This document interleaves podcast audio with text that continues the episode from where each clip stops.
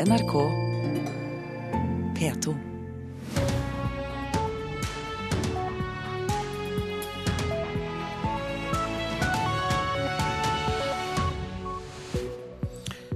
torsdag 7. mai går vi inn i dagen med disse overskriftene.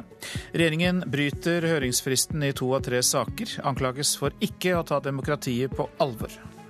Når unntaket gjøres til hovedregelen på den måten, så får vi for dårlig tid til å belyse viktige samfunnsendringer. Det er helt uholdbart, mener jeg, at man skal hastebehandle saker på den måten. Marit Lommendal Sæther, leder i Rettspolitisk forening. Norske seilere i havsnød reddet utenfor Azorene. Vi frykter klimaendringene mer enn før, men engasjementet vårt øker også, viser undersøkelse. Unge alkoholikere kommer ofte seint til behandling. Og Norges drøm om en kvartfinale lever videre etter seieren mot Slovakia i ishockey-VM. I studio i dag, Øystein Heggen. Regjeringen anklages for hastverksarbeid og mangel på respekt for demokratiet. Nær to av tre saker statsrådene har sendt ut på høring i år, bryter hovedregelen om en svarfrist på tre måneder. En rekke organisasjoner mener det ikke er nok tid til å sette seg skikkelig inn i sakene. Og blant dem er Rettspolitisk forening. Det er en kjempeviktig sak som Rettspolitisk forening definitivt burde ha skrevet høringsuttalelse om. Men med under 30 dager på svar, der ei av ukene var midt i påskeferien, rakk aldri den frivillige foreninga å sette seg inn i de foreslåtte endringene i utlendingsloven. Styreleder Marit Lommundal Sæter skrev i stedet et høringssvar der hun kom med krass kritikk av den korte tidsfristen. Dette er helt klart et alvorlig demokratisk problem. For det er ikke bare i denne ene saken at regjeringa bryter sin egen hovedregel om at en sak normalt sett skal være på høring i tre måneder. En gjennomgang NRK har gjort av de 103 høringene så langt i år, viser at kun én av tre holder denne grensa. Hele 15% bryter minimumsgrensa på seks uker. Når unntaket gjøres til hovedregelen på den måten, så får vi for dårlig tid til å belyse viktige samfunnsendringer. Det er helt, eh, helt uholdbart, mener jeg, at man skal hastebehandle saker på den måten og, og få endringer i samfunnet vårt som vi ikke har kontroll på, rett og slett fra noen side. Også sivilombudsmann Åge Thor Falkanger er bekymra. Hvis det avleier seg et mønster der hovedregelen er at eh, det gis kortere frist enn tre måneder, så er det ikke bra.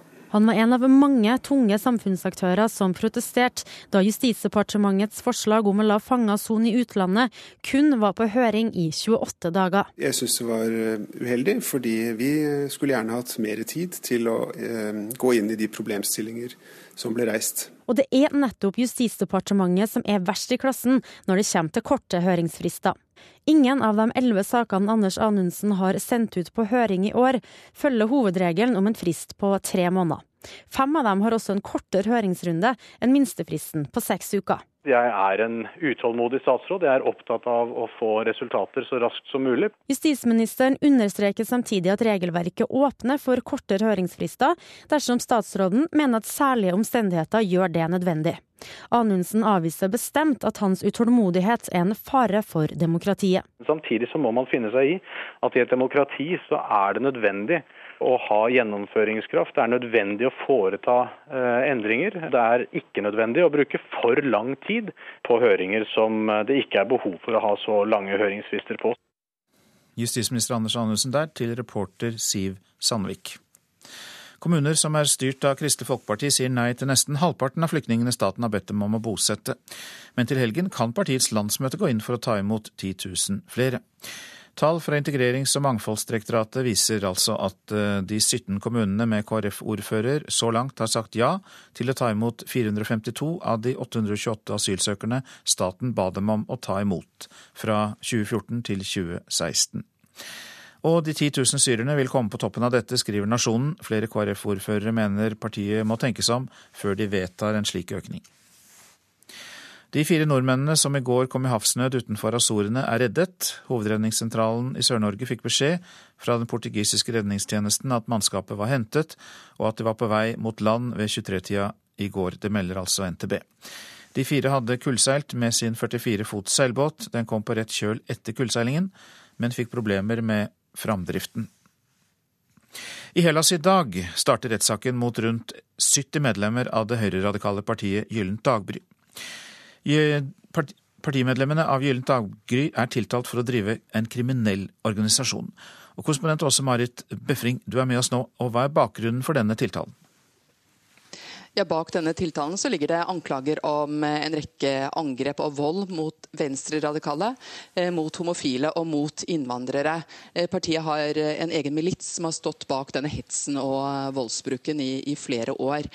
Og På tiltalebenken så sitter altså hele partiets ledelse og flere medlemmer. Til sammen er de 69 stykker. Partileder Nikos Mikaloliakos og over ti andre som er innvalgt i nasjonalforsamlingen i Hellas, risikerer over ti års fengsel dersom de blir dømt. Men uh, selv, uh, om, uh, selv, mener de om denne rettssaken at den er politisk motivert, at dette er et forsøk på å knuse partiet som lå rundt 10% da oppslutningen da de ble, ble arrestert i 2013. og til tross for denne prosessen og, denne, og, at man visste at denne rettssaken var temmelig tøff, så fikk de altså 17 seter ved, ved valget nå i januar. Ja, Det betyr jo at Gyllent Agri er Hellas' tredje største parti, og fikk jo da nærmere 390 000 stemmer. Hvordan forklarer vi det? Det kan først og fremst forklares med den økonomiske krisen eh, i Hellas, men også en generell mistillit til politikere, tradisjonelle partier, som, eh, eh, hvor det har kommet frem mange og dype korrupsjonsskandaler og skattejuks. Eh, og sammen med EU og pengefondet så har de som har styrt, fått skylden for veldig mye av det som har gått galt. Men velgerne de har jo ikke bare gått mot ytterste høyre, de har også gått mot ytterste venstre. Det regjerende Syriza fikk 36% ved valget i januar, og hadde rundt 4% oppslutning før krisen. Men det er klart at Gyllent daggry er jo et parti som er regnet for å være nynazistisk. Eh, så, så det er nok veldig mange som ikke eh, støtter det synet. Samtidig så er nok veldig mange veldig redde for alle flyktningene som kommer over grensa, og dermed så støtter de også den politikken de har drevet mot innvandring. Ja, denne rettssaken som altså åpner i dag, finner sted bak fengselsmurene, og hvorfor det? Det er rett og slett av eh, sikkerhetsgrunner. Man frykter bråk og uro og sammenstøt mellom eh, venstreradikale og partiets støttespillere. Og Det så man allerede for eh, ca. ti dager siden, da denne rettssaken egentlig skulle ha startet. Da var det rundt 200 tilhengere som sto utenfor. og, og forsøkte å gi sin støtte, og rundt 4000 andre hadde en motdemonstrasjon. Så at denne saken skaper jo veldig mange følelser. Så gater rundt fengselet vil være stengt under rettssaken, og, og, og, de kommer til å ha veldig høy sikkerhet rundt hele dette, som nå kommer til å vare i over ett år. Takk for den oppdateringen, korrespondent Åse Marit Befring. Og vi legger da til at 300 vitner er innkalt til denne rettssaken mot Gyllent daggry-medlemmene, og den kan komme til å vare i minst ett år. Klimaendringer er den viktigste politiske saken for hver tredje nordmann. Det viser den årlige meningsmålingen Klimabarometeret, som blir offentliggjort i dag. Både engasjementet og bekymringen for klimaet har økt kraftig i år, sammenlignet med de siste fem årene. Ja, Det sier kommunikasjonssjef Eva Fossby Livar i TNS Gallup. Vi registrerer en markant økning det har skjedd ei svært sterk bevisstgjøring om klimaspørsmål i år i forhold til de siste åra, viser undersøkinga. Folk er blitt mer eh, fokusert på klimaendringer? Ja, jeg gjør det. Så jeg prøver å gjøre de små tiltakene jeg kan for å bidra. Hva gjør du da? Jeg eh, kildesorterer, og jeg reiser kollektivt. Men jeg er nok mer opptatt av det nå, ja. Men det har jo litt med at man gjerne har blitt mer bevisst på det. Informert, og det har vært mer fokus på det. Nordmenn mener nå at klimaendringer er den nest største utfordringa Norge står overfor. De siste fem åra har nordmenn vurdert klima som den sjette viktigste utfordringa. Men i år er det bare innvandring og integrering som blir oppfatta som mer utfordrende enn klima. Hver tredje nordmann mener klima er den viktigste politiske saka. Velgerne til både SV, Ap, KrF, Venstre og De Grønne sitter klimasaka øverst og også Senterpartiet- og Høyre-velgerne er blitt markert mer opptatt av klimasaker. Frp-velgerne er de eneste som er blitt mindre opptatt av klima dette året enn i fjor. Er folk mer utålmodige nå da i forhold til klimapolitikk? Ja, Vi ser jo det at de forventer mer av uh, politikerne. Forventningspresset, uh, hvis vi kan kalle det, øker uh, til regjeringen og politikere, kommuner og en, en rekke andre sentrale aktører folk eh, forventer at eh, de gjør en aktiv innsats for å begrense utslipp av klimagasser. Kommunikasjonssjef Eva Fossby Livgard i TNS Gallup, og til reporter eh, Leif Rune Løland. Så var det det avisen er opptatt av i dag. Utslipp blir dyrere, ytelse og vekt billigere. Dagens Næringsliv presenterer de nye bilavgiftene. Elbilene beholder avgiftsfordeler ut 2017, men det vurderes tak på tilskuddene, og det betyr at Tesla blir dyrere. Før tjente leverandørene best, nå er det matkjedene som er blitt mest lønnsomme, kan vi lese i Aftenposten. Matbaronene forsvarer matprisene med lave marginer, men har en avkastning på 14-15% skriver avisa. Oljefondets investeringer eh, investerer milliarder i pengespill verden rundt, kan vi lese i Vårt Land. Samtidig forsøker regjeringen å stoppe aggressiv TV-reklame fra spillselskapene. Det bør være en høy terskel for å utelukke hele bransjer fra pensjonsfondet. Det sier statssekretær Pål Bjørnestad i Finansdepartementet i en kommentar. Trygdeturistene skal tas, skriver VG. Arbeids- og sosialminister Robert Eriksson skal gjøre livet surt for nordmenn og utlendinger som tar med seg trygden ut av landet. Men uføre og pensjonister blir spart. Småbrukarlaget er provosert over støtten til store frukt- og grønnsakprodusenter, kan vi lese i Nasjonen. Men en av dem, Einar Dyste på Toten, er lettet over at regjeringen ikke går tilbake på ordningen som ga han 1,3 millioner kroner i tilskuddet i fjor. Klimabarometeret, som vi også har hørt om her i Nyhetsmorgen, gir den blå regjeringen bare tre på terningen, får vi vite i Dagsavisen. Men det samme fikk også den rød-grønne regjeringen etter sine åtte år. 15 år etter at Vladimir Putin klatret til topps på maktens pyramide i Russland, fortsetter de som taler ham imot å lide en voldsom død, skriver Dagbladet. Å være kritisk til Putin har aldri vært en ufarlig øvelse, skriver avisa. Italiensk mafia håver inn på båtflyktningene, er oppslaget i Klassekampen. Asylsøkere er mer innbringende enn narkotika, sier en av bakmennene. For mafiaen eh, er eh, den reelle eieren av mange asylmottak. Vi kommer ikke utenom mange bomstasjoner i årene som kommer, sier veisjefen i Region Sør, Kjell Inge Davik, til Fedrelandsvennen. Det kreves utbygging av E18 og E39, men det er en tålegrense for eh, hvor mye bilistene kan belastes med bomstasjoner, sier Davik. Voldsom nedgang i vinningskriminaliteten i trøndelagsfylkene får vi vite i Adresseavisen i dag. Politiet finner ingen gode forklaringer, men de håper at trenden vil fortsette. Håpet om kvartfinale i ishockey-VM lever i beste velgående etter at Norge vant 3-2 over Slovakia i går kveld. Patrick Thoresen er lettet over den seieren. Nei, altså det er klart Nå lever jo kvartfinaledrømmen. Eh, pluss at uh, hadde vi tapt, det hadde det vært kniven på strupen. Så det var en vel fortjent seier til oss. Jeg syns vi jobber best eh, under hele kampen, sett under ett. Norge måtte vinne for å ha et håp om avansement og samtidig holde nedrykksspøkelset unna.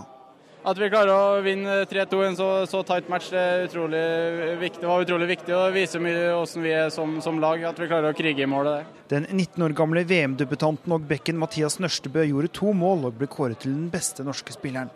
Målet er klart. Absolutt, vi går for kvartfinale. Det har vi gjort fra start av. Også. Nå kommer skjebnekamper på rad og rekke. Alle kamper bør vinnes. Først Slovenia i morgen, så Danmark, og så til slutt Hviterussland.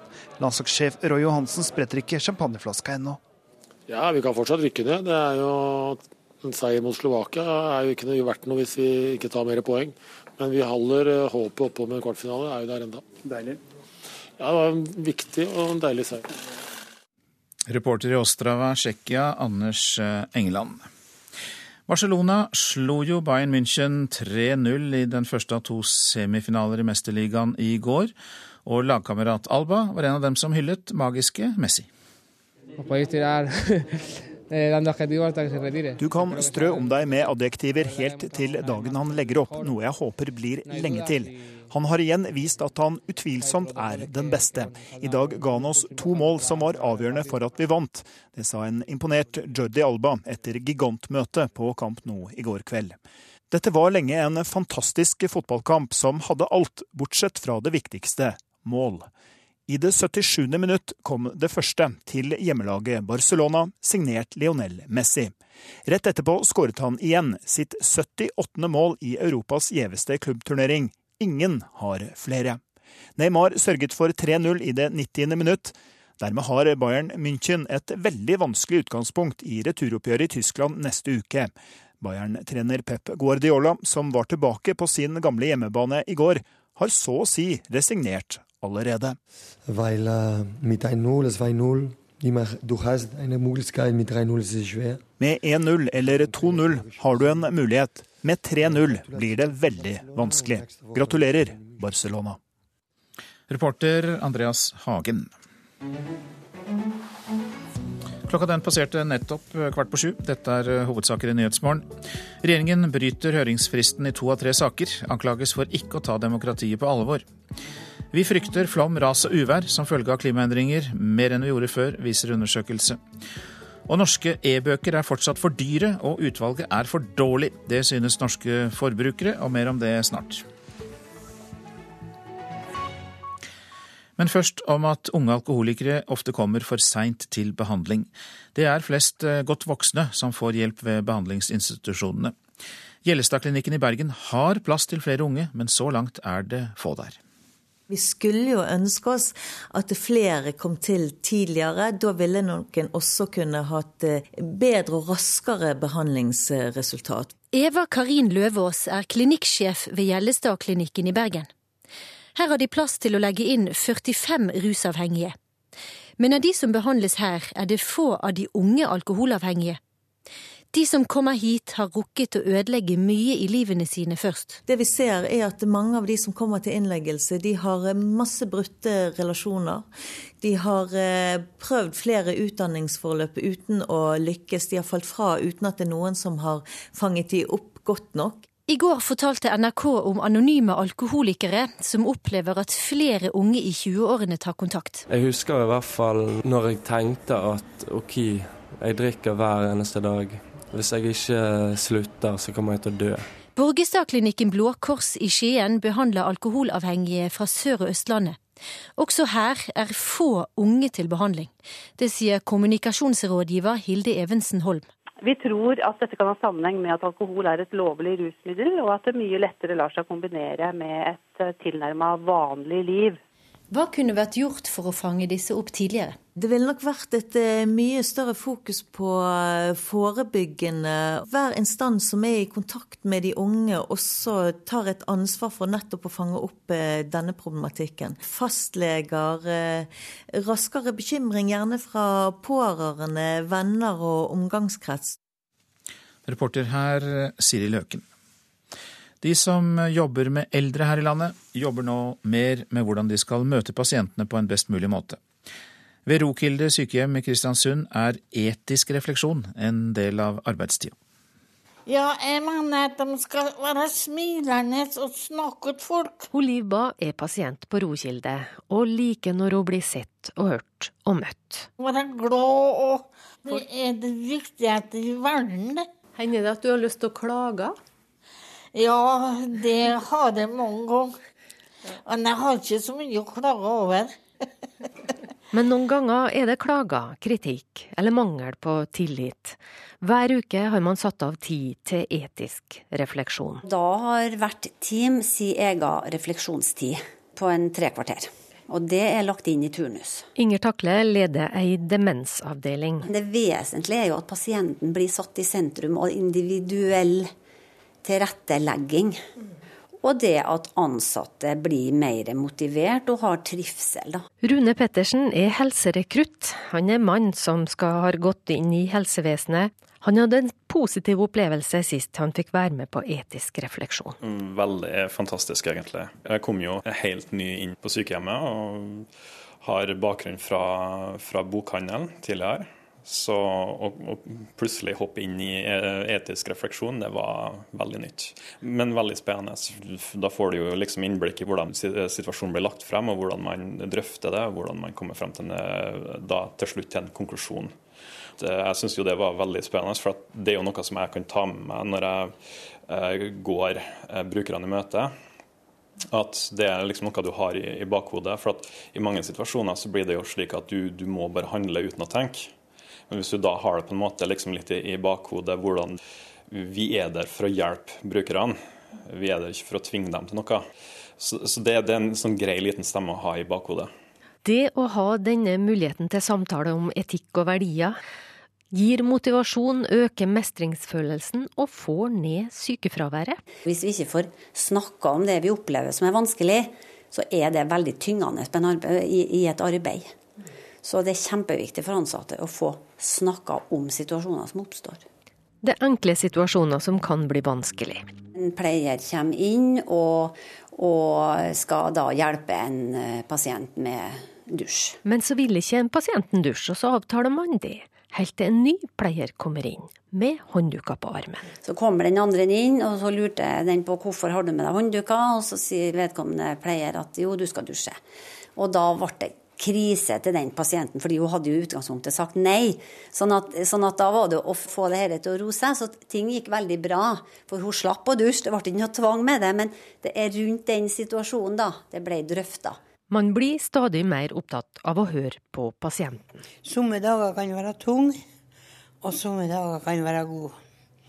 Og god blir de hvis jeg får god hjelp, og stort sett så får jeg det.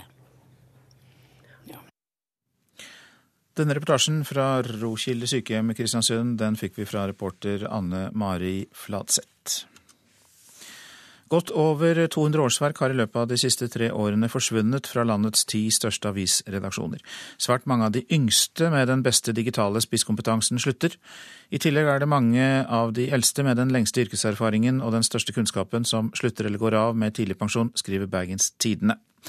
Direktør i Fritt Ord, Knut Olav Åmås, sier til avisen at en kompetent og dyktig stab er grunnlaget for god journalistikk, og at nedbemanningen i redaksjonene bærer preg av en farefull utvikling. Karl Ove Knausgård er overveldet over responsen han får i USA.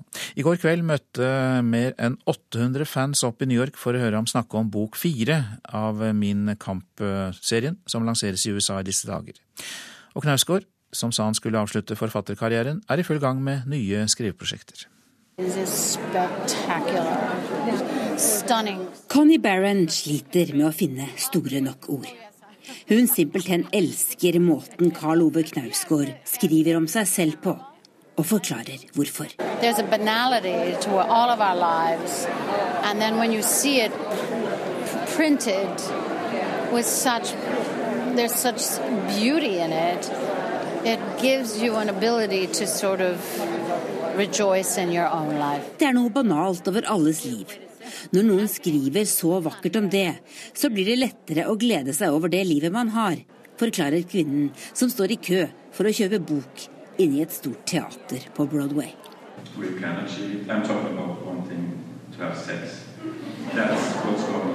Fra scenen snakker forfatteren om bok fire, som kommer ut her i USA i disse dager og handler om tenårene hans.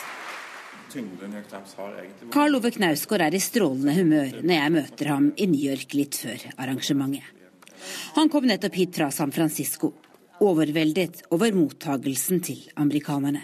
Jeg var i San Francisco nå, da var det signerte bøker, og da var det det veldig mange sa. da. Blant annet en uh, kvinne som kom bort til meg og sa at uh, du har skrevet en bok om en indisk-amerikansk kvinne på 50 år. Hvordan er det mulig, liksom?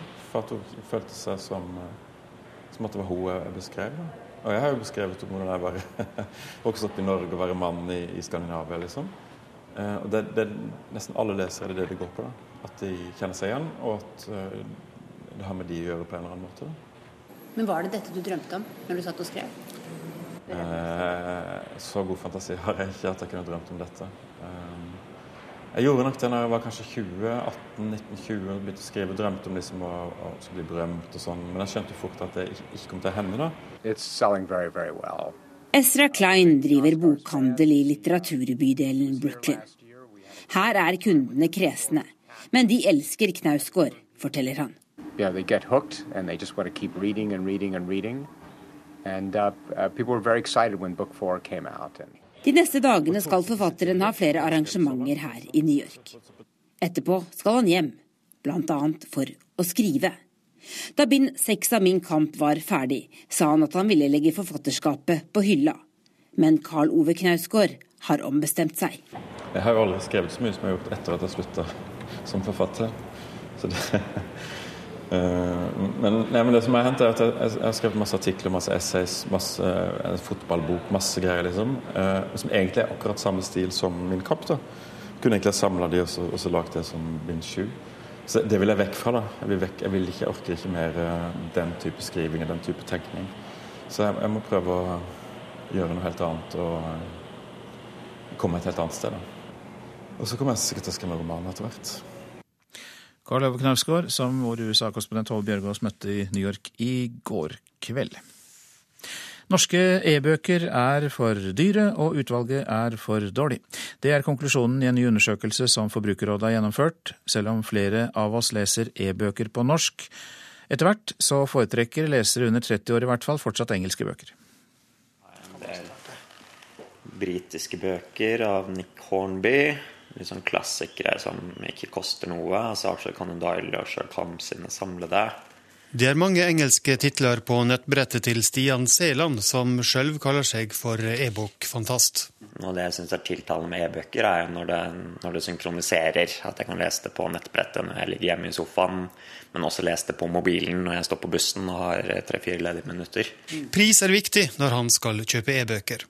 Det har jo absolutt noe å si. Eh, der ser man at der har jo man kanskje i Norge en, en vei å gå, i form av at det er relativt dyrt med e-bøker. Eh, sammenligna med en del man kan få på Amazon. Og Mange norske forbrukere mener norske e-bøker er for dyre. Det kommer fram i en rapport som Forbrukerrådet har laga. Der svarer hver fjerde leser at de mener prisen er for høy. Og det er et problem, ser fagdirektør Finn Myrstad i Forbrukerrådet. Spesielt unge syns at prisen på e-bøker er for høy.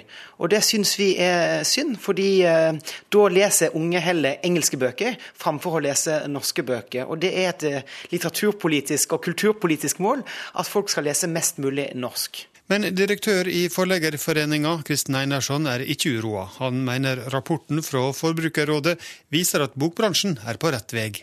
Hvis man ser eh, på eh, de tallene de har fanget opp i år, og sammenligner det med situasjonen for to år siden, så, så er det en eh, klar bedre oppfatning ut i markedet enn det det, det var tidligere.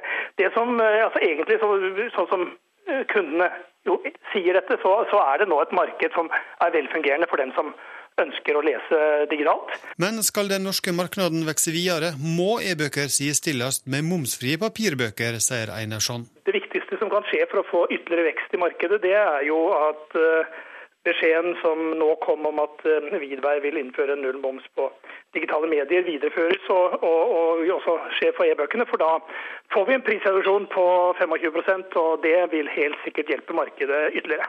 Men det skjer neppe med det første. Statssekretær Jørgen Nesje i Finansdepartementet skriver i en e-post til NRK at merverdiavgiftsregelverket vurderes løpende. Det foreligger ingen planer om å innføre lavere satser på andre elektroniske tjenester enn nyhets- og aktualitetsmedier sa reporter Espen Alnes. Værvarselet nå. Fjell i Sør-Norge, liten kuling i høyfjellet, snøbyger, regn under 900 meter. Østlandet sørvestlig liten kuling på kysten, regnbyger utrygt for torden. I kveld opphold sør for Mjøsa. Telemark periodevis eh, sørlig liten kuling på kysten, regnbyger utrygt for torden. Fra seint i ettermiddag opphold. Agder regnbyger utrygt for torden. Fra i formiddag vestlig stiv kuling på kysten vest for Oksøy, enkelte regnbyger. Rogaland og Hordaland vestlig periodevis liten kuling utsatte steder og regnbyger. Sogn og Fjordane sørøstlig liten kuling utsatte steder. I ettermiddag øking til sørvest stiv kuling på kysten og regnbyger. Møre og Romsdal enkelte regnbyger utrygt for torden. Fra i ettermiddag sørvest stiv kuling på kysten. Trøndelag enkelte regnbyger utrygt for torden, og i kveld sørvestlig liten kuling i sør. Nordland først på dagen regn, men stort sett opphold eh, etter hvert. Troms litt regn, men seinere stort sett pent vær. Finnmark sørlig liten kuling utsatte steder, periode med stiv kuling i øst, litt regn, fra ettermiddag opphold. Og Nordensjøland på Spitsbergen opphold og perioder med sol. Temperaturer målt klokka fem i natt. Svalbard lufthavn minus tre, Kirkenes pluss fire. Varde har vi ikke, men Alta og Tromsø begge med seks. Bodø, Brønnøysund, Trondheim og Molde alle sju. Bergen og Stavanger åtte. Kristiansand, Kjevik ni. Gardermoen og Lillehammer sju. Røros fem og Oslo-Blindern 7. Nyhetsmorgen fortsetter med disse sakene. Det ville vært færre fattige barn i Norge hvis barnetrygden hadde holdt tritt med lønnsveksten, mener Unicef. Vi spør direktøren i Bioteknologirådet Sissel Rogne om hun er bekymret for det vi hørte i Dagsnytt nettopp, at antibiotika kan føre til kronisk sykdom. I Storbritannia er det fortsatt helt jevnt mellom de to hovedkonkurrentene foran parlamentsvalget i dag. Og Netanyahu klarte å danne en ny regjering i Israel, men eh, det var like før fristen gikk ut. Antall fattige barn i Norge hadde blitt redusert med 27% hvis barnetrygden hadde blitt justert i tråd med lønnsveksten. Det mener FNs barnefond UNICEF. Barnetrygden har vært på samme nivå siden 1996. En enslig forsørger med et barn fikk da 17 000 kroner i barnetrygd per år, men hadde trygden blitt justert etter grunnbeløpet i folketrygden, ville de nå fått 36 000 kroner. Har du spilt fotball? Ja. Skåra du? Ja. To. To mål? Egentlig to var det tre. Egentlig fire. Egentlig så var det bare fem. Fotballtrening for fem-seksåringer i Oslo. Organisert i en fotballklubb hvor det koster penger å være med. Ring, og så løper vi rundt for å varme opp. Det er en typisk fritidsaktivitet som fattige barn ikke får være en del av. I går la regjeringen fram tiltak for å redusere barnefattigdom. Mange gode tiltak, men noe mangler, sier Ivar Stokkereid, juridisk rådgiver i Unicef. Det den derimot ikke gjør noe med, er jo fattigdommen i seg sjøl. Dersom vi hadde eh, tilbakeført barnetrygden i dag til 1996-nivå, eh, og gjeninnført en del av de tiltakene som lå i barnetrygden den gangen, så ville vi kunne hatt 27% færre fattige barn i Norge i dag. Det viser at å styrke barnetrygden kan være det viktigste tiltaket for å redusere antallet fattige barn i Norge. Det er SSB som har beregnet dette på vegne av Unicef. Ta et tenkt eksempel. En enslig forelder med ett barn. I 1996 fikk de utbetalt 17 000 kroner i året. Det var med tillegg som i dag er fjernet, småbarnstillegg og forsørgertillegg. I dag får en enslig forelder med ett barn 15 000 kroner. Hvis barnetrygden derimot hadde fulgt lønnsveksten, ville dette vært over 36 000 kroner. Og Det viser jo at muligheten eh, for barn som vokser opp med enslige forsørgere som ikke er arbeid, hvordan deres muligheter til å delta aktivt i samfunnet har blitt redusert. Det viktigste vi kan gjøre for å få redusert fattigdommen, det er å få foreldrene ut i arbeid og ha en trygg og god eh, arbeidslinje. Sier barne- og likestillingsminister Solveig Horne. Men hvis man ikke gjør noe med selve inntekten til familiene, Gjør man noe da med selve problemet til hvorfor barn er fattige? Regjeringen jobber jo med, med, å få på plass et godt og stabilt arbeidsliv, der at det skal lønne seg å arbeide. og Det er det viktigste tiltakene vi kan gjøre overfor foreldrene. Det vi vet, er at det i stor grad er barn som har innvandrerbakgrunn, eh, som lever i fattigdom. Og Dette er familier som vi som samfunn i liten grad har vært i stand til å finne arbeid til. Da er det viktig at vi har andre trygdeytelser, andre velferdsordninger som er i stand til å gi disse personene eh, gode inntekter, som kan sikre at deres barn slipper å vokse opp i fattigdom. Den reportasjen var laget av Ellen Omland. Forskere tror kroniske sykdommer som leddgikt, autisme og parkinson i økende grad kan knyttes til inntak av antibiotika. Årsaken er at visse typer antibiotika forstyrrer balansen i tarmfloraen, ofte uten at pasientene merker noe som helst. Professor emeritus ved Det karolinska instituttet, Tore Midtvedt, mener det er en klar sammenheng. Nå begynner vi å ane at ja, når vi gir antibiotika, visse antibiotika, så kan vi få langvarige forstyrrelser i, i sammensetningen av, av tarmfloraen vår. Og da kan vi på lang sikt få sykdom. Professor emeritus ved Karolinska instituttet i Stockholm, Tore Midtvedt, sier forskere i større grad enn før undersøker om sykdommer som leddgikt, hjerte-karsykdom og diabetes 2 kan knyttes til forstyrrelser i tarmfloraen. Selv har han forsket på temaet i flere tiår, og sier det kan ta lang tid før bakteriefloraen blir normal etter en antibiotikakur. Det kan ta faktisk alt over året før de kommer igjen. Og noen ganger så vet vi ikke når den kommer igjen. Så det du sier at her kan det bli en varig forstyrrelse? Ja, det kan bli en varig forstyrrelse. Og den forstyrrelsen behøver i og for seg ikke å bety så mye for den som har det det at den mangler en bestemt bakterieart. Men om den bakteriearten har en viktig funksjon, da kan det føre til sykdom. Noen av de mest brukte antibiotikaformene i Norge er skadelige for tarmen, men langtidsvirkningene er foreløpig ikke godt nok dokumentert. Det sier medisinsk fagdirektør i Statens legemiddelverk, Steinar Madsen. Dette er jo kan, kan si, norske nokså nye tanker og nokså ny forskning. slik at man kan vel si at eh, Foreløpig så er vi jo litt usikre på om legene virkelig skal ta hensyn til akkurat dette når de skriver ut antibiotika, men at de skal ta hensyn til de retningslinjene vi har og bruke minst mulig antibiotika, det er alle enige om. Madsen påpeker også at det kan være flere årsaker til forstyrrelser i tarmfloraen. Det er jo endrede spisevaner osv. Så, videre. så det er mange årsaker til det. Antibiotika kan være én av årsakene. Og Vi vet jo at antibiotika gir en eh, kraftig påvirkning av tarmfloraen på kort sikt, men spørsmålet er selvfølgelig om det gir det på lang sikt, og at, og at, dette kan ha betydning for utviklingen av kroniske sykdommer. Professor Tore Midtvedt mener alle bør bli mer bevisste på den skadelige effekten av antibiotika, men advarer syke mot ikke å ta medisin. Vi må tenke både på kort- og langtidseffekter av antibiotika. Det er fantastiske legemidler som har reddet mange liv. Men det er også legemidler som har ført, tror vi, til mange kroniske lidelser senere i livet. Tor Midtvedt ved Karolinska instituttet og reporter Kristine Næss Larsen. Silse Rogne, hjertelig velkommen. Takk. Du er direktør for Bioteknologirådet, og vi hørte altså her at visse typer antibiotika kan ha en effekt på bakteriefloraen i tarmen og føre til varige lidelser. Hvor bekymringsfullt vurderer du det? Eh, antibiotika er så viktig for oss at det må vi være bekymret for. Og vi må være bekymret for eh, fordi at antibiotikabruk og antibiotikaresistensutvikling hører sammen. Og hvis vi får for mye resistens, så er det også et veldig stort problem. Men vi må også huske på at den viktigste form for sykdomsbekjempelse, det er oss selv. Og der er antibiotikabruk en stor kilde til å påvirke økosystemet inni oss, nemlig i tarmen. For der har vi jo faktisk et yrende dyreliv, et helt økosystem som veier 1,5 kilo, og det må vi ta godt vare på. Og denne kunnskapen om sammenhengen mellom antibiotika og eh, tarmens helse og disse bakteriene som, som, det er så mange av, som du sier, er den helt ny for oss?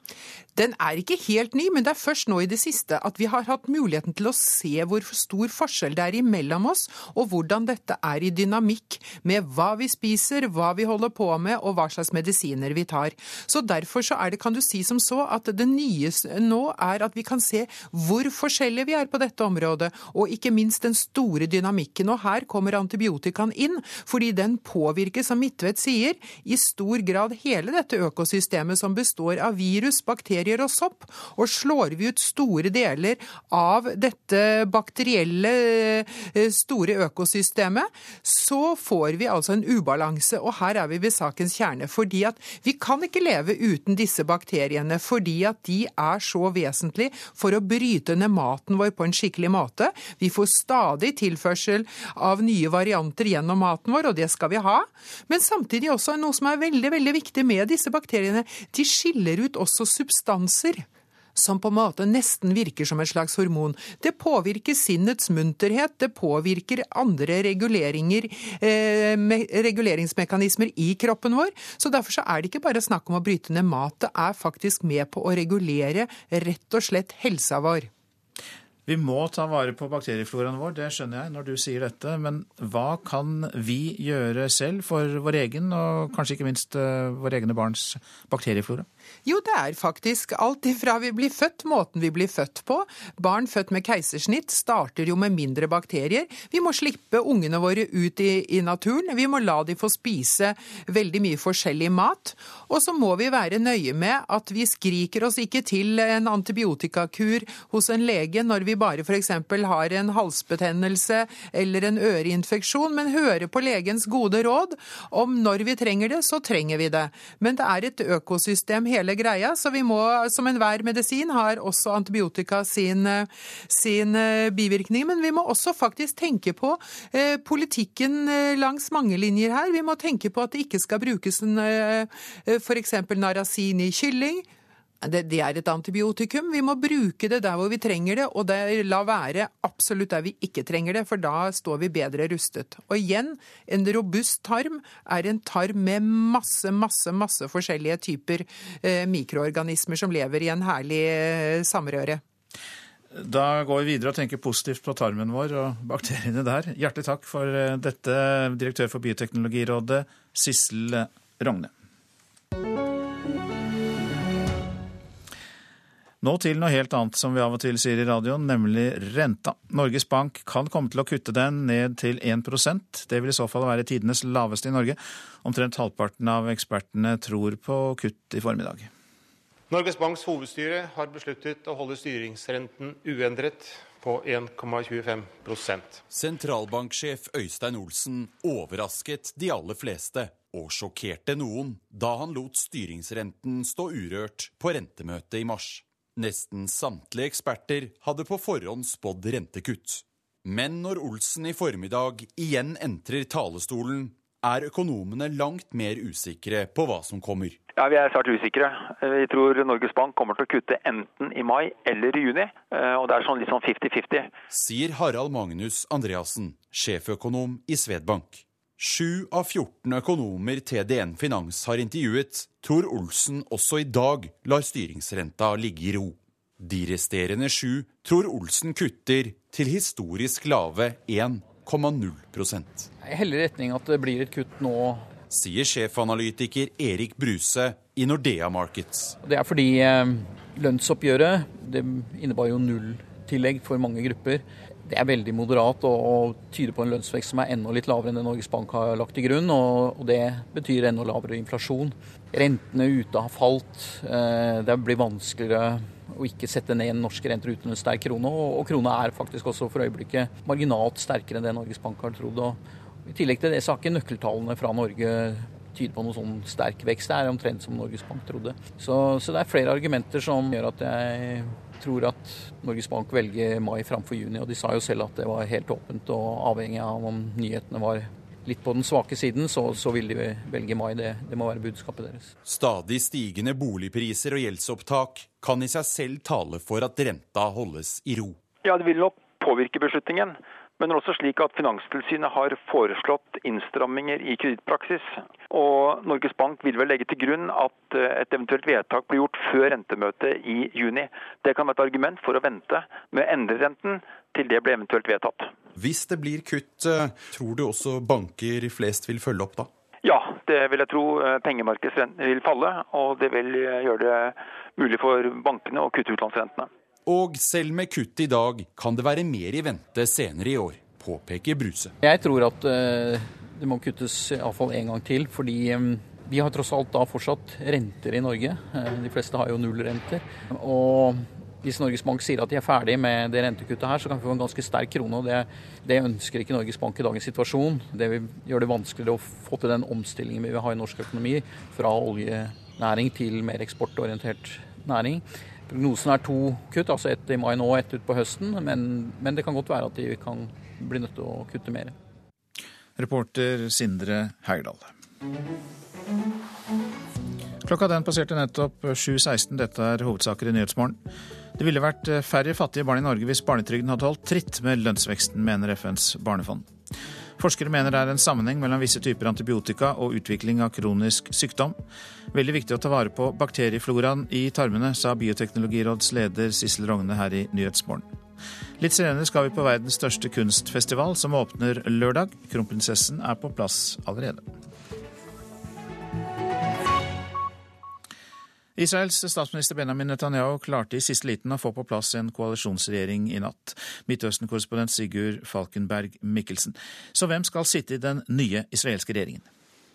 Ja, det har vært et intenst politisk eh, drama i eh, Israel nå. Det er det alltid når det skal nye regjeringer på plass, men denne gangen har det vært eh, ekstra spesielt. Det det har endt opp med er at I tillegg til det dominerende Likud-partiet til Netanyahu, så blir det en ren høyreregjering med de religiøse ultraortodokse partiene, et sentrum-høyre-parti og det ytterliggående partiet Det jødiske hjem, som er under ledelse av Naftali Bennett. Til sammen har de 61 mandater i Knesset, det israelske parlamentet. Det er knappest mulig flertall. Hva kan det få å si? Det gjør nok at det blir en ustabil koalisjon, og at de kan få problemer med å gjennomføre eh, politikk som ikke det er bred enighet om eh, internt i den nye regjeringen. Det er mange observatører i Israel som regner med at dette kan bli en kortvarig koalisjon. Og det kommer allerede spekulasjoner om at en samlingsregjering med sentrum-venstre kan være på trappene eh, etter hvert, men det blir jo rene spekulasjoner. Nå er det en ny regjering på plass, og den består da av Netanyahu samt en rekke høyrepartier. Og som du sa, dette var jo i siste liten før Benjamin Netanyahu fikk på plass regjeringen. Si litt mer om hvorfor disse forhandlingene var så vriene. Altså, De fleste hadde jo regnet med at Netanyahu ville få en ganske lett jobb. Han vant en stor eh, seier i valget for Likud-partiet, og de andre høyrepartiene gjorde at han også hadde flertall. Eh, men eh, man hadde da ikke gjort opp regnskap med hvor mye denne seieren kostet Netanyahu. Det er mye vondt blod mellom lederne på høyresiden. Og da utenriksminister Avigdor Liebermann i en sjokkerklæring mandag sa at han trakk seg, så var Netanyahu i trøbbel. Etter det var han prisgitt Bennett, som da fikk sin revansj på Netanyahu og sikret f.eks. partiet sitt, justisministeren i den nye regjeringen. Det er altså en regjering med klar høyreprofil, så hva slags politikk kan vi vente oss da?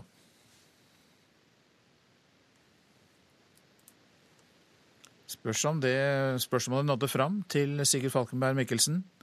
Litt problemer med forbindelsen. Da går vi videre til eh, et annet valg som ikke har vært, men som skal skje i dag, nemlig det britiske valget. Og de siste meningsmålingene viser at det er helt jevnt mellom de to hovedkonkurrentene. Ingen av dem ligger an til å få rent flertall, og stadig flere frykter at det må et nytt valg til før året er omme. I think it's going to be a hung parliament. And then what? Be another, another election, quite before the end of the year. Han er blant dem som tror at det som ble omtalt som det mest spennende valget i Storbritannia på 40 år, ikke vil gi noen gode løsninger og føre til et nytt valg. Det konservative partiet og det britiske arbeiderpartiet Labour ligger an til å få like mange stemmer, og ingen ser ut til å få rent flertall i parlamentet. Den spennende situasjonen til tross. På landets mest kjente talerstol, Speakers Corner i Hyde Park i London, var det stille kvelden før kvelden. I thought there might be lots of people wanting so did I. It's a real shame.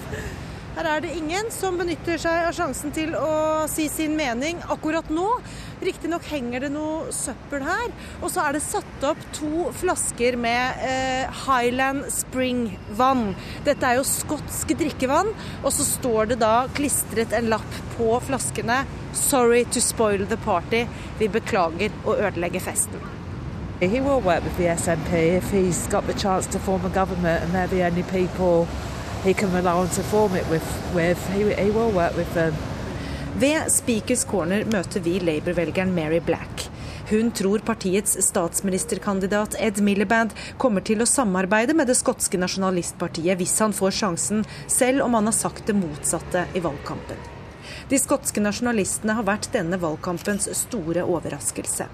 Partiet ligger an til å utslette Labour i Skottland, og selv ta brorparten av de 59 parlamentsplassene Skottland har i parlamentet i Westminster. Og kan altså få en avgjørende betydning etter valget.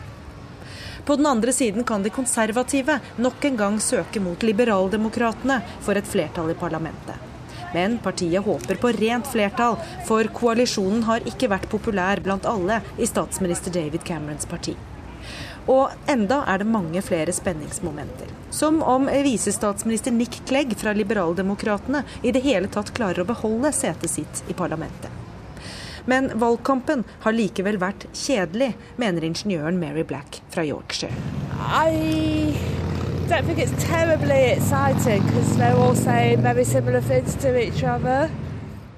Ja, alle politikerne virker så like. Det mente altså velger Mary Black, og det var Gry Blekastad Almås som hadde møtt henne i London. Vi har igjen kontakt med Midtøsten-korrespondent Sigurd Falkenberg Mikkelsen om Netanyahus nye regjering. Vi mistet jo deg, eh, forbindelsen var litt dårlig, så det siste spørsmålet vil jeg gjerne stille. Hva slags politikk er det ventet at denne regjeringen vil føre, for den er jo en klar eh, høyreregjering?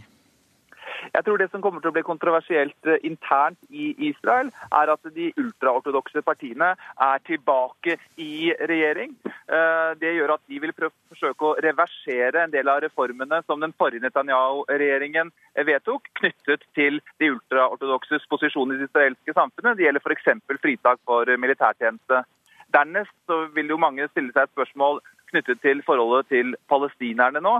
Netanyahu sa selv under valgkampen at det ikke kom på tale øh, å etablere en palestinsk stat så lenge han er statsminister. Nå har han i tillegg fått inn Naftali Bennett og hans parti som nøkkelfigurer i, i øh, denne regjeringen. Og de tar til orde for å annektere store deler av palestinsk land. Så det er ikke noen som regner med noen framskritt i forholdet til palestinerne med en slik regjering.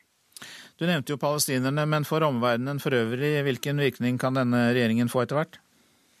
Nei, Spørsmålet er eh, hvordan eh, omverdenen har tenkt å forholde seg til den nye Netanyahu-regjeringen. Det gjelder jo første omgang eh, USA. Forholdet mellom Netanyahu og den amerikanske regjeringen var allerede svært spent.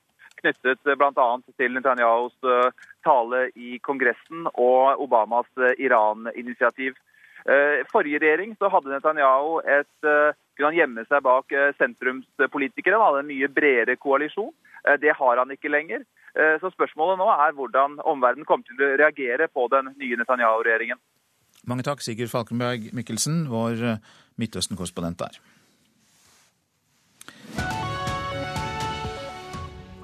Så var det avisene her hjemme. Utslipp blir dyrere, ytelse og vekt billigere.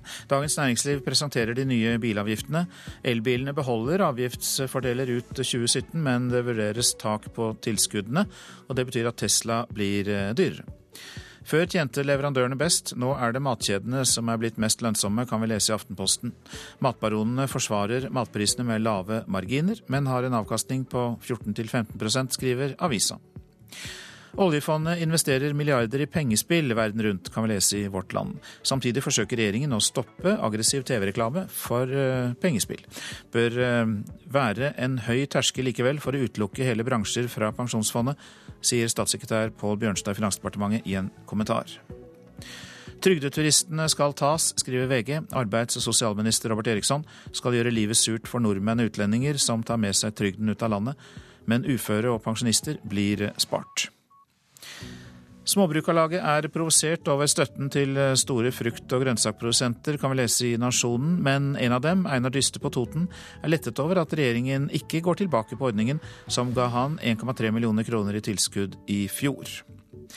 Klimabarometeret gir den blå regjeringen bare tre på terningen, får vi vite i Dagsavisen, men det samme fikk også den rød-grønne regjeringen etter sine åtte år.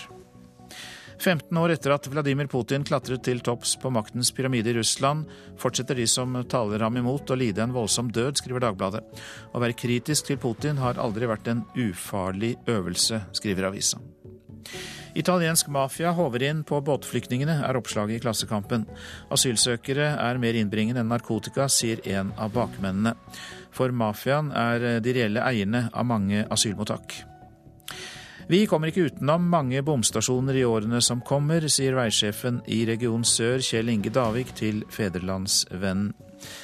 For det krever nemlig utbyggingen av E18 og E39. Men det er en tålegrense for hvor mye bilistene kan belastes, sier Davik. Verdens største kunstfestival, den 56. Venezia-biennalen, åpnes lørdag. Men allerede i går var kronprinsesse Mette-Marit på plass og åpnet den nordiske paviljongen. Og for første gang er Norge representert med et lydkunstverk. Det, jeg synes eh, det har vært en stor opplevelse for meg å få lov til å åpne den nordiske paviljongen i Venezia i år og dronningvikar for anledningen, kronprinsesse Mette-Marit, lot seg engasjere i verket som har fått tittelen 'Rapture', eller 'Ekstase', som altså består av knust glass, kor og et ganske så spesielt instrument. And you just need the water for that? Only water. And very clean hands. Why do you have to have so clean hands? Because any small amount of fat or sweat will prevent me from exciting the bowls, and then I will get no sound.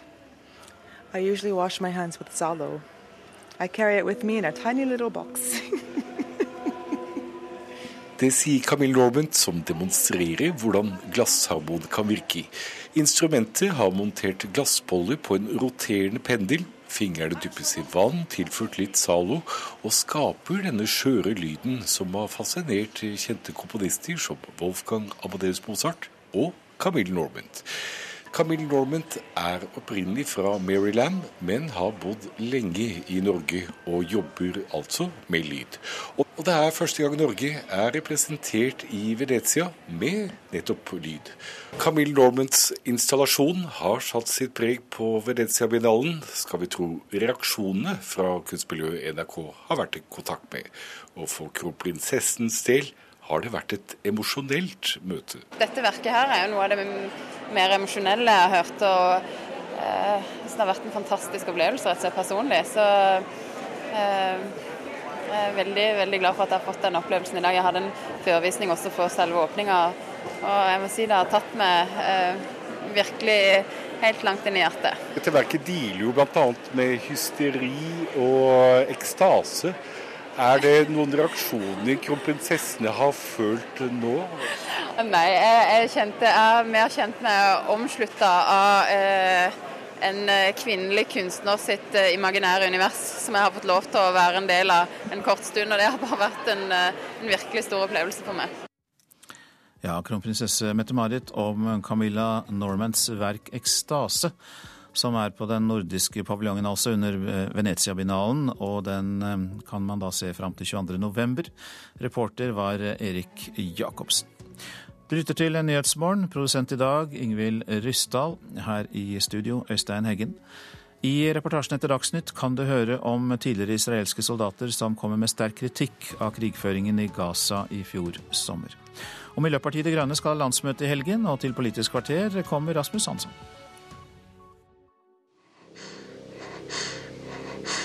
Vi kom inn på sykehuset. Malin er bare i uke 22 av svangerskapet.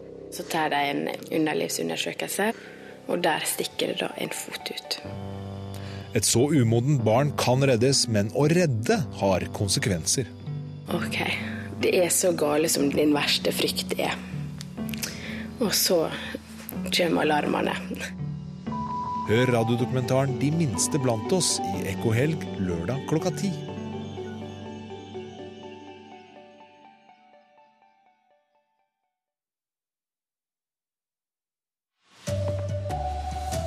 Det kunne vært færre fattige barn i Norge dersom barnetrygda hadde blitt justert, tror FN. Antibiotikabruk og kronisk sykdom henger sammen, tror forskere. Regjeringa får kjeft for korte høringsfrister, blir skylda for å ikke ta demokratiet på alvor. Her er NRK Dagsnytt klokka 7.30. Det hadde vært 27% færre fattige barn i Norge dersom barnetrygda hadde blitt justert etter lønnsveksta. Det tror FNs barnefond Unicef. Barnetrygda har vært på samme nivå siden 1996. Har du spilt fotball? Ja. Litt opp var det tre. Egentlig fire. Egentlig så var det bare fem. Fotballtrening for fem-seksåringer hvor det koster penger å være med. En typisk fritidsaktivitet som fattige barn ikke får være en del av. I går la regjeringen fram tiltak for å redusere barnefattigdom, men ingenting om å heve barnetrygden, for den har ligget på samme nivå siden 1996.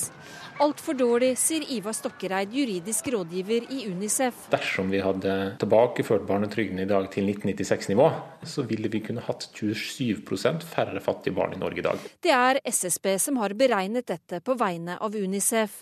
Ta et tenkt eksempel. En enslig forelder med ett barn. I 1996 fikk de utbetalt 17 000 kroner i året. Det var med tillegg som i dag er fjernet, småbarnstillegg og forsørgertillegg. I dag får en enslig forelder med ett barn 15 000 kroner. Hvis barnetrygden derimot hadde fulgt lønnsveksten, ville dette vært over 36 000 kroner. Og Det viser jo at muligheten eh, for barn som vokser opp med enslige forsørgere som ikke er i arbeid, hvordan deres muligheter til å delta aktivt i samfunnet har blitt redusert. Frp har skrevet i partiprogrammet at de vil indeksregulere barnetrygden, men det er ingen politisk vilje til på Stortinget. Barne- og likestillingsminister Solveig Horne sier de har satt ned et utvalg som skal se på trygden. Regjeringen jobber jo med å få på plass et godt og stabilt arbeidsliv, der at det skal lønne seg å arbeide. og Det er det viktigste tiltakene vi kan gjøre overfor foreldrene. Reporter Ellen Omland. Forskere tror kroniske sykdommer som leddgikt og parkinson i økende grad kan knyttes til antibiotikabruk. Årsaken er at noen typer antibiotika forstyrrer balansen i tarmfloraen, ofte uten at pasienten merker noe. Pensjonert professor ved Det karolinske instituttet, Tore Midtvedt, mener det er en klår sammenheng. Nå begynner vi å ane at ja, når vi gir antibiotika, visse antibiotika, så kan vi få langvarige forstyrrelser i sammensetningen. av tarmfloraen vår. Og da kan vi på lang sikt få sykdom. Professor emeritus ved Karolinska instituttet i Stockholm, Tore Midtvedt, sier forskere i større grad enn før undersøker om sykdommer som leddgikt, hjerte-karsykdom og diabetes 2 kan knyttes til forstyrrelser i tarmfloraen. Selv har han forsket på temaet i flere tiår, og sier det kan ta lang tid før bakteriefloraen blir normal etter en antibiotikakur. Det kan ta faktisk alt over året før de kommer igjen. Og noen ganger så vet vi ikke når den kommer igjen. Noen av de mest brukte antibiotikaformene i Norge er skadelige for tarmen, men langtidsvirkningene er foreløpig ikke godt nok dokumentert. Det sier medisinsk fagdirektør i Statens legemiddelverk, Steinar Madsen. Dette er jo kan, kan si, norske nokså nye tanker og nokså ny forskning, slik at man kan vel si at eh, foreløpig så er vi jo litt usikre på om legene virkelig skal ta hensyn til akkurat dette når de skriver ut antibiotika, men at de skal ta hensyn til de retningslinjene vi har og bruke minst mulig antibiotika, det er alle enige om. Professor Tore Midtvedt mener alle bør bli mer bevisste på den skadelige effekten, men advarer syke mot ikke å ta medisin. Vi må tenke både på kort- og langtidseffekter av antibiotika. Det er fantastiske legemidler som har reddet mange liv, men det er også legemidler som har ført, tror vi, til mange kroniske lidelser senere i livet.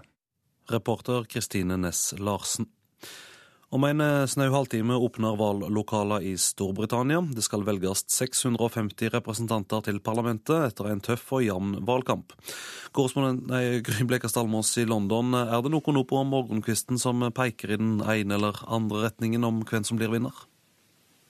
Nei, det er ikke det. Nå er det såpass tidlig her at uh, det er ikke uh, mye som har skjedd her ennå. Klokka er bare så vidt over halv sju. Men de siste meningsmålingene uh, som er kommet, bekrefter jo bare den tendensen som har vært gjennom hele valgkampen. Nemlig at det er dødt løp og helt jevnt mellom de to store partiene, det konservative partiet og, og Labour. Det var tre målinger i går som viste helt dødt løp. Tre målinger gir det konservative partiet ett prosentpoengs ledelse.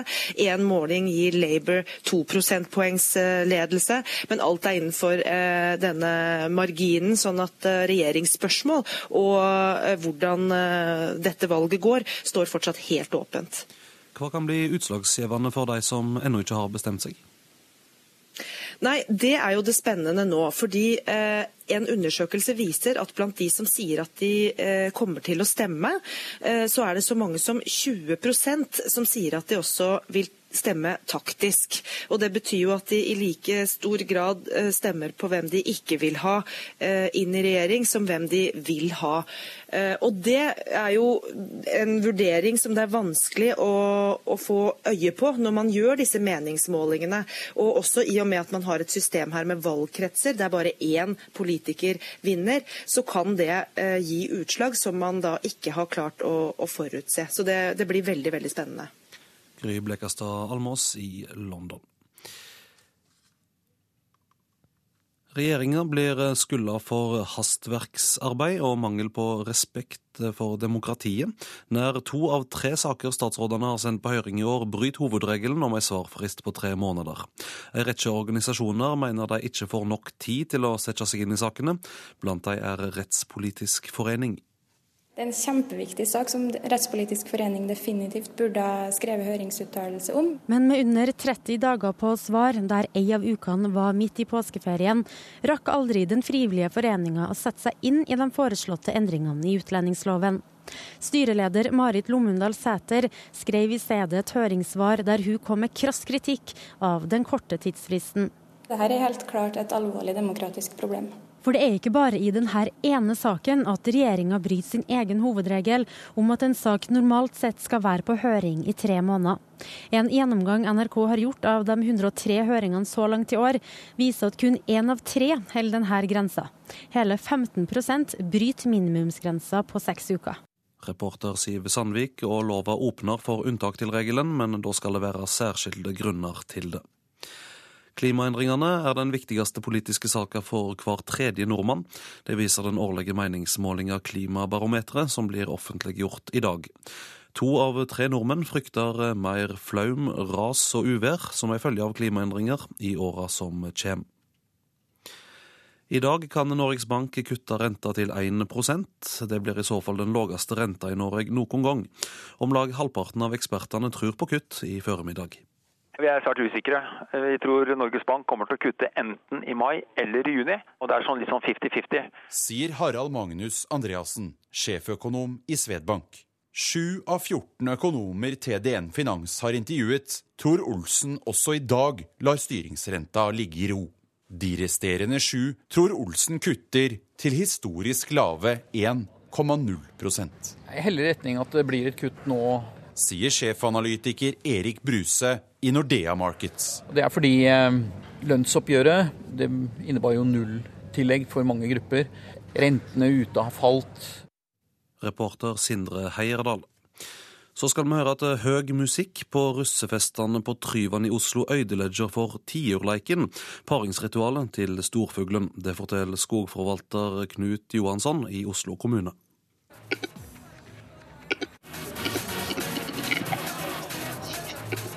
Vi regner med at den forstyrrer ganske mye. Den er jo akkurat den viktigste spilltida for storfugl. Og storfuglen, i hvert fall tiuren, inntar leiken på kveldstid og gjør seg på en måte klar i sin biotop for spillet som kommer på morgenen. Johansson får støtte av Erlend Rolstad, som bl.a. overvåker de rundt 30 tiurleikene som befinner seg på eiendommen til Nordmarkas største grunneier, Løvenskiold. Iallfall min opplevelse ved det er at uh, tiurleiker i den søndre delen av Nordmarka, uh, så blir det et opphold i spillet. For det er jo så mye bråk at jeg kan jo danse disko sjøl på leiken. Det som er problemet, mener fagfolkene, er at forstyrrelsene fra russemusikken forsinker hele paringen. Og når kyllingene kommer til verden senere enn normalt, er de mer sårbare, bl.a. overfor rovdyr, sier Johansson. Reporter var Nina Didriksen. Ansvarlig for sendinga var Elin Pettersen, teknisk ansvarlig Marianne Myrhol. Her i studio Vidar Eidhammer.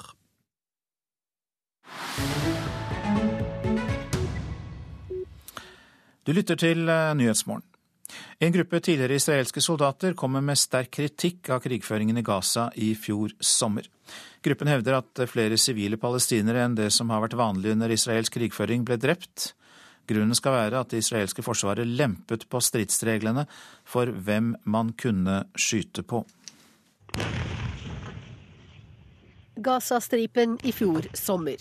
I 50 dager raste krigen mellom Israel og palestinske Hamas. Da våpnene stinnet, var 73 israelere drept, nesten alle soldater. På palestinsk side døde rundt 2200 mennesker. De fleste av dem var sivile. Misforholdet var ikke noe nytt, men det var de uvanlig høye tallene på drepte og sårede sivile palestinere, sier den tidligere israelske soldaten Nadav Bigelman i gruppen breaking the silence. After the war in uh, Gaza ended, soldiers started coming up to us and officers telling us their stories, and we understood that there was something different from what happened. Etter at krigen var slutt, begynte soldater og offiserer å komme til oss for å fortelle hva de hadde opplevd. Og vi forsto at det hadde skjedd noe annet i denne krigen, sier Nadav Bigelman. Slik kjempet vi i Gaza i 2014, heter rapporten til veterangruppen Breaking the Silence. Reglene for når man kunne åpne ild mot noe eller noen ble endret. Derfor ble så mange sivile truffet, er konklusjonen. En anonymisert israelsk soldat forteller at de personlige meningene til hans overordnede på stridsvognen styrte hvilke mål de skulle treffe. Noen ganger overlot han avgjørelsen til en menig soldat. En annen sier at han fikk lov til å fyre løs på et hus bare fordi han ikke likte fargen. Det utgjorde ingen trussel mot oss, det lå ut mot havet 4,5 km unna og var utenfor operasjonsområdet vårt. Men det var oransje, og jeg ble gal av den fargen. Jeg vil skyte mot det oransje huset, sa jeg til troppssjefen. Bare skyt, svarte han. Vitnemålene til 60 israelske soldater og offiserer er med i rapporten. Gruppen Breaking the Silence mener å kunne dokumentere et hundretalls tilfeller av uakseptabel oppførsel. Hvordan soldatene fikk ordre om å åpne ild overalt straks de gikk inn i et område, Man antok at enhver palestiner som våget å stikke hodet fram, var en terrorist, forteller igjen. Instruksen var å skyte med en gang, enten den du så bar våpen eller ikke. Skyt for å drepe, det var den eksplisitte ordren, sier en annen soldat. Stridsvogner fikk ordre om å skyte mot tilfeldig valgte bygninger, bare for å minnes falne kamerater, ifølge rapporten. Det mangler bevis, svarer talsmannen for den israelske hæren IDF. This report raises some important issues, but there is some additional information to keep in mind. The claims are unbased, unsubstantiated. Rapporten reiser viktige spørsmål, men her er det snakk om grunnløse, ubekreftede og anonyme anklager, sier hærens talsmann Peter Lerner. Vi gransker selv rundt 120 hendelser. Vi har flere ganger bedt Breaking the Silence om å komme til oss med informasjonen. Men de har dessverre valgt å gå ut offentlig, sier han. The Israeli army in a way lied to his soldiers, and more than that, he lied to the Israeli public. Hæren har på en måte løyet for sine soldater, men enda verre er løgnen den har servert det israelske folket, konkluderer Nadav Beagleman i Breaking the Silence. De sa de gjorde alt de kunne for å ikke å skade sivile palestinere men det var slik de drev sin krig. Um, how, um, Og det var eh, Wenche Eriksen som hadde laget denne reportasjen. Hovedsaker i Nyhetsmorgen. Det kunne vært eh, færre fattige barn i Norge dersom barnetrygden hadde holdt tritt med lønnsveksten, mener FNs barnefond UNICEF. Antibiotikabruk og kronisk sykdom henger sammen, tror forskere. Årsaken er at noen typer antibiotika forstyrrer balansen i tarmfloraen. Regjeringen får kritikk for korte høringsfrister, blir beskyldt for å ikke ta demokratiet på alvor. Og I dag kan Norges Bank komme til å kutte renten ned til 1% Det blir i så fall den laveste renten i Norge noen gang. Programleder for Politisk kvarter nå er Bjørn Myklebust.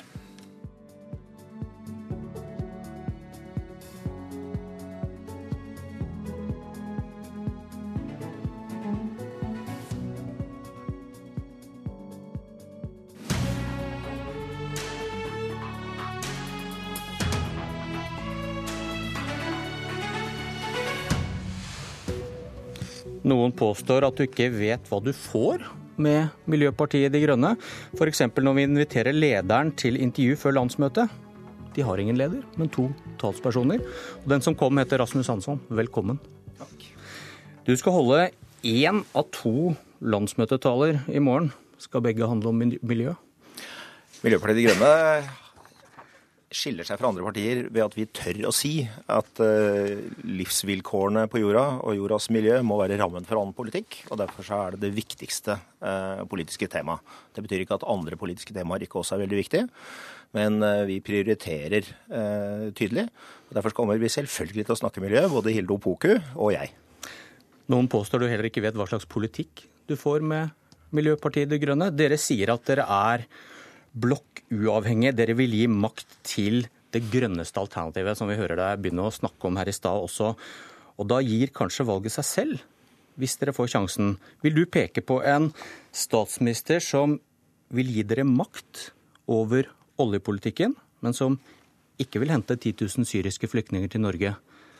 Eller gir du makt til en statsminister som ikke vil gi dere makt over oljepolitikken, men som vil hente 10 000 syriske flyktninger til Norge? Det skal vi forhandle om. Det er det politikk eh, går ut på. Det Miljøpartiet De Grønne kommer til å være klokkeklar på, både i lokalpolitikken og den nasjonale politikken, det er at vi vil sette i gang eh, det grønne skiftet i Norge. Vi vil ha Norge inn i framtida. Vi vil ha Norge ut av den fossile alderen og over i det bærekraftige samfunnet som vi må inn i. Og den forhandlingen kommer til å kjøre eh, helt likt med høyresidas kandidater og venstresidas kandidater. Og folk kan være helt sikre på at det de får av oss, det er det vi mener er det beste eh, resultatet av sånne forhandlinger, hvis vi kommer i posisjon til å gjøre dem. Men det du har sagt, og det dere sier, er at dere vil prioritere miljøet, som du også nå sier. Og da velger du vel en statsminister som gir dere makt over oljepolitikken, men ikke vil ta imot 10 000 syriske flyktninger? Det er et fullstendig hypotetisk spørsmål. Men den døra har du åpna sjæl, Rasmus Hansen, ved å si at hvis dere får mulighet til å gi noen makt, så vil dere peke på det grønne alternativet. Ja, Men du tar med et eh, flyktningspørsmål som er eh, aktuelt og viktig akkurat nå. Hvordan det spørsmålet ser ut eh, når det skal forhandles om regjeringsmakt i 2017 eller når det skal, hva som er mer aktuelt foran uh, lokalvalget, forhandles i byer og kommuner uh, rundt omkring i Norge. Men er ikke poenget så, at dere velger så, den grønne politikken foran andre saker? Så prioriterer vi den grønne politikken, uh, og hva det betyr for flyktningpolitikken i tillegg, det vil vise seg. Vi kommer ikke til å la være å ta hensyn til andre ting, men vi kommer altså til å prioritere det grønne. Eh, og så får vi se hva det eh, fører med seg for øvrig. Men hele analysen deres og hele kritikken mot SV, Venstre og KrF, som også ser på seg selv som miljøpartier, har jo vært at de har ikke prioritert miljø. De har kjempet for alle andre saker også. For asylbarna, for syriske flyktninger. Ja. Og de kan ikke få gjennomslag for alt mens dere vil velge grønt? Vi kommer til å prioritere uh, miljøpolitikk. Miljøpolitikk er mye. Miljøpolitikk er ramma for uh, annen politikk. Og det er ramma for hvordan vi skal komme oss inn i et bærekraftig og solidarisk samfunn. Men vi kommer altså, som jeg har sagt mange ganger, til å prioritere miljøpolitikk. Men du kommer Men da kan du ikke, du vinne, du kan ikke vinne alle saker. Du kan Nei. ikke få da flyktningpolitikken deres, asylbarnpolitikken deres og få gjennomslag på miljø? For det er jo analysen deres. Ja, dette er du fullstendig rett i, men du gjør en kobling som vi ikke vet om kommer til å være der når vi sitter og gjør disse forhandlingene. Ja, men Du skjønner poenget med jeg skjønner, hva jeg mener? Ja, jeg sier at eh, du har rett i poenget, men du har ikke nødvendigvis rett at vi ikke klarer å vinne kamper for flyktninger også. Men det er jo det dere har kritisert de andre partiene for, at de får ikke gjennomslag nok i oljepolitikken fordi de kjemper alle disse andre sakene også. Ja, men nå må du høre hva jeg sier. Vi kommer til å prioritere eh, miljø- og klimapolitikk. Og så vil det vise seg eh, hva vi får med oss av andre ting i tillegg. Eh, du kan ikke starte med å utelukke at vi også får til ting på flyktningområdet. Men vi kommer altså til å prioritere miljø og klima. Eh, og så kommer vi til å ta med oss så mye annet som vi overhodet får til. Betyr det noe hva dere mener om eiendomsskatt i Oslo? Kan ikke dere styre både med og uten, hvis dere bare får gjennomslag i miljøsakene? Det er godt mulig, eh, men vi er et parti som har synspunkter på eh, mange politikkområder. Vi har et program som dekker alle politikkområder, og det kommer vi til å videreutvikle. Og så blir altså igjen de store miljøspørsmålene vår hovedprioritet.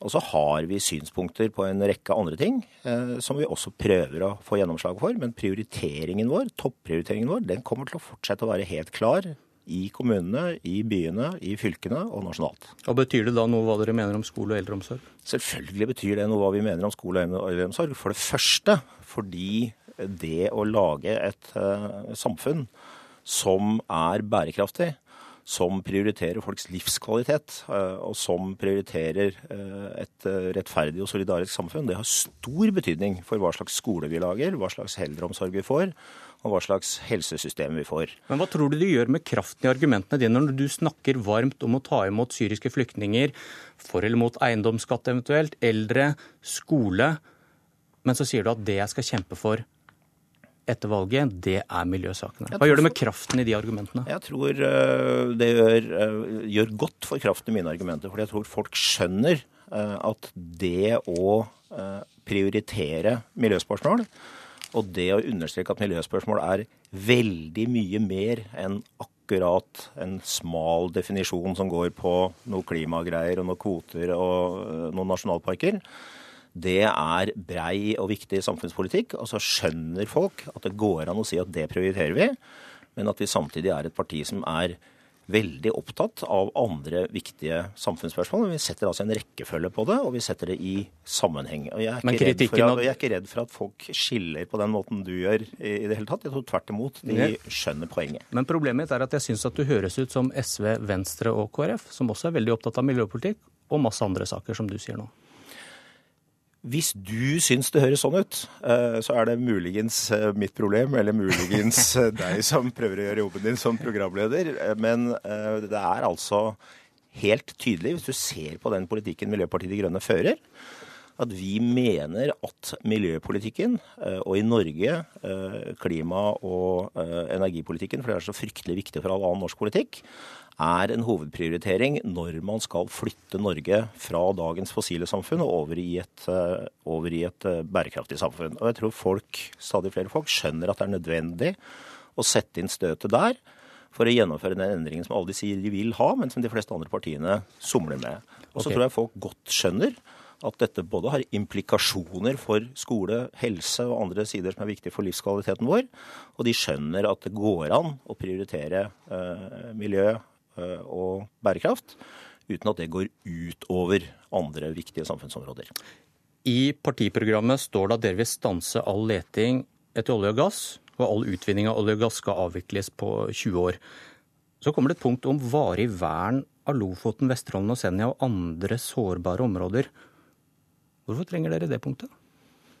Fordi det er et uh, veldig viktig punkt i norsk politikk. Uh, først og fremst fordi uh, områder som Lofoten, Vesterålen og Senja og andre norske havområder har så høy biologisk verdi at det er faktisk en faglig og logisk konsekvens av forvaltningsplansystemet i Norge og av alminnelig vernetenking at så verdifulle områder, så rike områder og så såre områder, det må vi verne. Men, det er viktig, og det er viktig å ta standpunkt til det hvor, i norsk politikk. Hvorfor det, når dere har, dere har tatt standpunkt i at dere vil stanse all leting og avvikle oljeindustrien?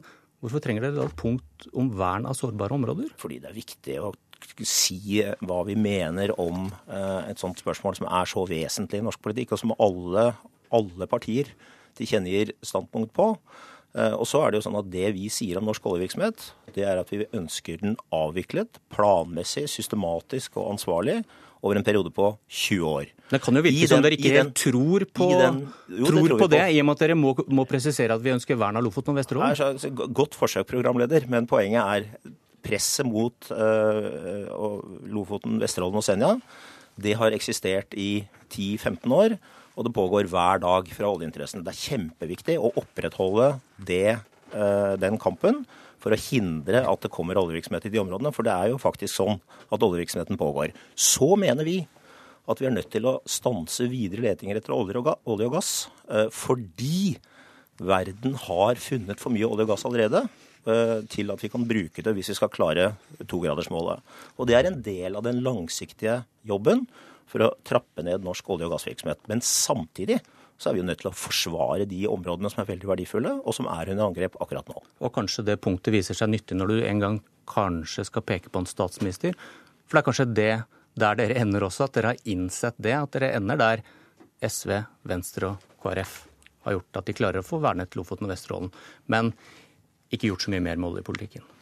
Vi kommer til å gjøre mer med oljepolitikken. Eh, ellers så hører vi ikke hjemme i norsk politikk. Det er forskjellen mellom oss og de andre partiene. Det er derfor vi fins. Og det er det løftet vi har til velgerne, at vi skal gjøre alt det vi kan for å flytte norsk politikk generelt, og norsk energipolitikk spesielt, over i et bærekraftig eh, samfunn. Det får velgerne måle oss på. Men det er ikke noe tvil om at vi har flyttet hele den norske debatten om disse spørsmålene i en retning som gjør at det er mer sannsynlig nå enn det var for noen år siden at vi nå begynner å få til de store skiftene i norsk politikk som vi må ha for at vi skal komme oss over i det samfunnet som vi må over i for å ha en bra framtid for oss og for barna våre. Rasmus Hansson, godt landsmøte. Takk politisk kommentator i NRK, Magnus Takvam. Eh, la oss begynne med det siste Hansson sa her. da. Eh, når de har hatt en mann, nettopp Hansson, eh, på Stortinget snart to år, hva, hva har de oppnådd? Jeg er enig i at uh, Miljøpartiet har oppnådd å prege den miljøpolitiske dagsorden. Vi ser uh, veldig ofte f.eks. at Rasmus Hansson er den som blir invitert til uh, miljøpolitiske debatter i, på den nasjonale arenaen, fordi han framstår som en kompromissløs miljøpolitiker etter å ha kommet inn på Stortinget.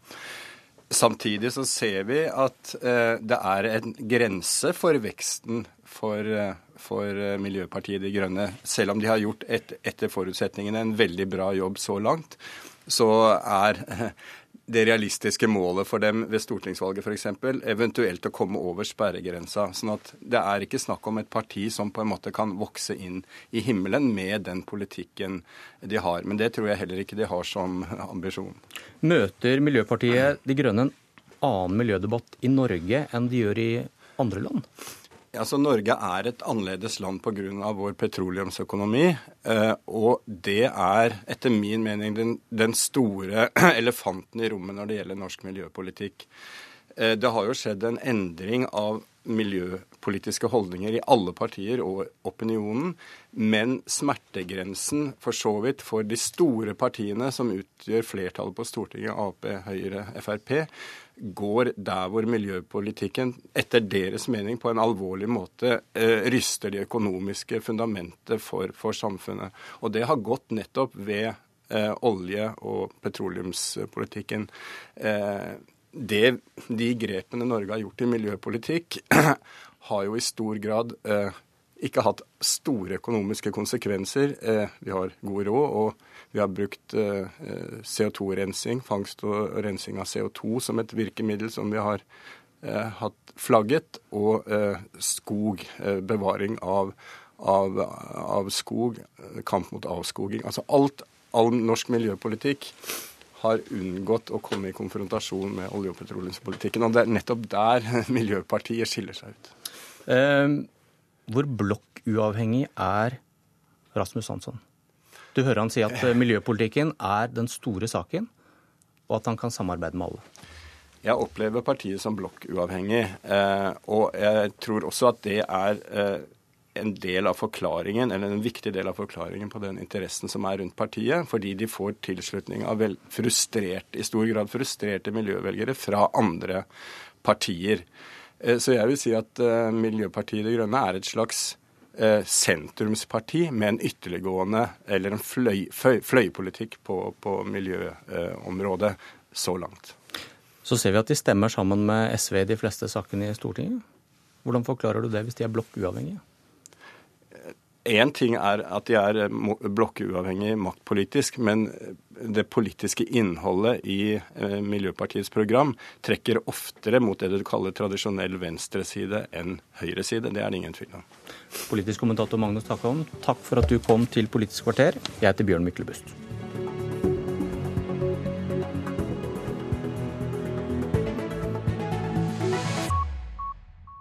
Hør flere podkaster på nrk.no Podcast.